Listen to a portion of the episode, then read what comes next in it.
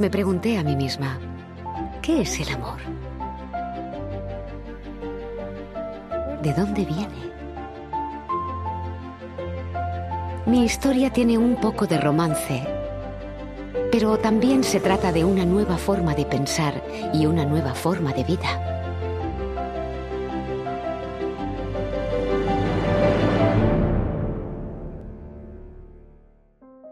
Mi nombre es Casine, mis padres son de Chile, se unieron en Suecia y luego llegué yo, que nací en Malmo. Se casaron cuando yo tenía unos seis años y como ambos estaban en su segundo matrimonio, tenía hermanos mucho mayores que yo, que se mudaron pronto. Así que crecí como si fuera hija única.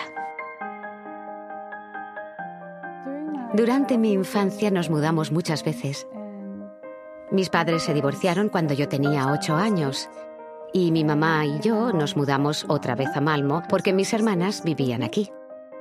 Mi padre venía a visitarnos de vez en cuando pero no estaba a la altura de sus promesas y yo me sentía un poco descuidada por él.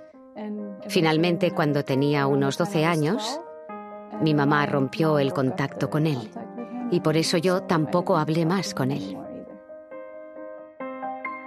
No recibí mucha religión cuando era pequeña. Una de las razones por las que mis padres se divorciaron fue que mi padre se hizo religioso, pero eso no mejoró las cosas en casa.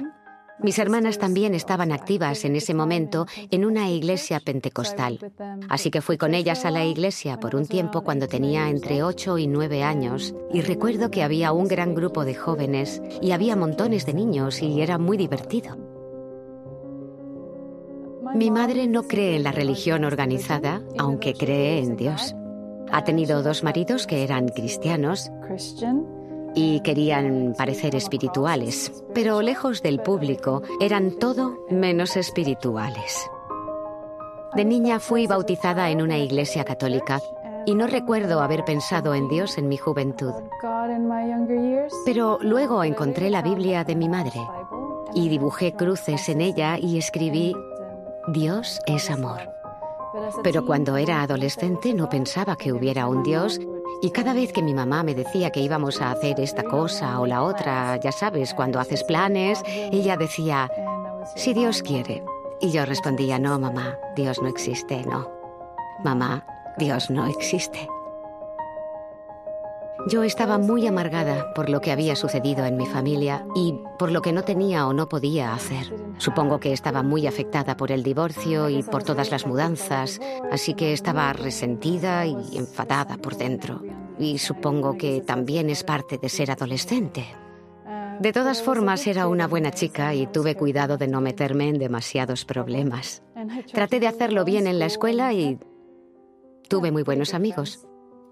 Como mi madre tenía un trabajo mal pagado y era madre soltera, teníamos muchos problemas con el dinero y yo tenía la sensación de que debía ocuparme de las cosas de casa y eso me hizo crecer y madurar mucho más rápido. Cuando tenía 12 años comencé a hacer la limpieza en un hotel los fines de semana y muy pronto conseguí mi propio trabajo allí. Quería ayudar con el desayuno en el hotel y pronto me puse a trabajar en la cocina y a los 16 años ya estaba a cargo del desayuno los fines de semana.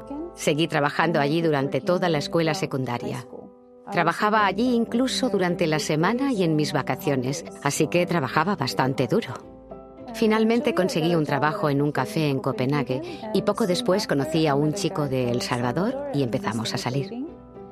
Nos enamoramos y después de unos meses tuvo que irse de regreso a su país para hacer algunos trámites.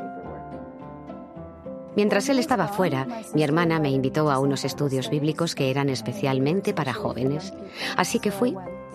Y allí conocí a algunas personas especiales como Dan y Andrea Millares y a Jonathan Carson y otros. Los estudios trataban de las relaciones y del matrimonio. Hablaban de cómo Dios en Jesús ofreció su vida por la humanidad, porque nos ama tanto. Y aprendí que quiere tener una relación con nosotros donde le respondamos con amor. Quiere estar con nosotros para siempre. El matrimonio debe ser lo mismo. Una relación que dure toda la vida, en la que dos personas se amen, sean fieles y estén dispuestas a sacrificarse por el otro. Pensé que esto era maravilloso. Antes de esto yo no creía mucho en el matrimonio. Pensaba que podríamos vivir juntos, que no era necesario firmar un papel y que podríamos estar juntos el resto de nuestras vidas. Pero cuando escuché la idea de matrimonio de la Biblia pensé, esto es lo que quiero para la relación que tengo con mi novio. Me gustó la idea de que los dos fuéramos uno. Estaba tan enamorada de mi novio y anhelaba este tipo de relación permanente que viene de Dios. Era un ideal tan bonito y tenía tanto sentido que pensé que no podía venir de ningún lugar de la tierra, debía ser sobrenatural. Así que llegué a la conclusión de que Dios debía ser real. Mi hermana, que por entonces ya había comenzado a ir a la iglesia, me invitó a ir con ella. Y yo sentía curiosidad, así que fui. Y me gustó mucho y lo disfruté, así que seguí yendo. Sin embargo, una cosa que realmente hizo clic una vez que comencé a entender el cristianismo fue esto. Yo estaba tratando de ser buena con la gente. Siempre intentaba complacerlos y hacerlos felices. Pero ellos no respondían de la misma manera. Quería ser cariñosa, pero no parecía justo. Quiero decir, ¿quién quiere ser un tonto? Pero aprendí que la venganza es de Dios. Podía tratar bien a esas personas sin importar lo que me hicieran y Dios se encargaría de la justicia. Me dio confianza para ser quien era y seguir teniendo dignidad. Mi novio volvió a Suecia y nos fuimos a vivir juntos. Esperaba que él estuviera tan emocionado con Dios como yo, pero no lo estaba. Aún así, seguí yendo a la iglesia, pero no tan regularmente. A pesar de eso, me bauticé en el verano de 2010. Ahora sé que no debería haberme bautizado entonces. Había muchas cosas en mi vida que no estaban bien. Pero Dios es muy paciente. Poco a poco mi novio y yo empezamos a distanciarnos. Él decía que yo había cambiado demasiado desde que empecé a ir a la iglesia y eso no le gustaba. Me dijo algunas cosas muy hirientes. Un día tuvimos una pelea y él dijo que ya había tenido suficiente y pensé, yo también en realidad, y me sentí aliviada. Fue como si me hubiera quitado un peso de encima. Pronto se mudó y empecé a escuchar más sermones online y a leer la Biblia. También empecé a hacer más amigos en la iglesia y mi vida se llenó de más significado y paz. Había otra cosa que me molestaba mucho porque había aprendido que el sábado es el santo día de descanso de Dios, el sábado. Y yo había trabajado los sábados incluso después de haberme bautizado, porque realmente era una cobarde y no me atrevía a pedir a mi jefe que me diera los sábados libres, sobre todo desde que trabajaba en el servicio de comidas. Por entonces también estaba estudiando para ser chef y hacía mis prácticas en un restaurante. Me quedaba un año para graduarme, así que sentía aún más presión.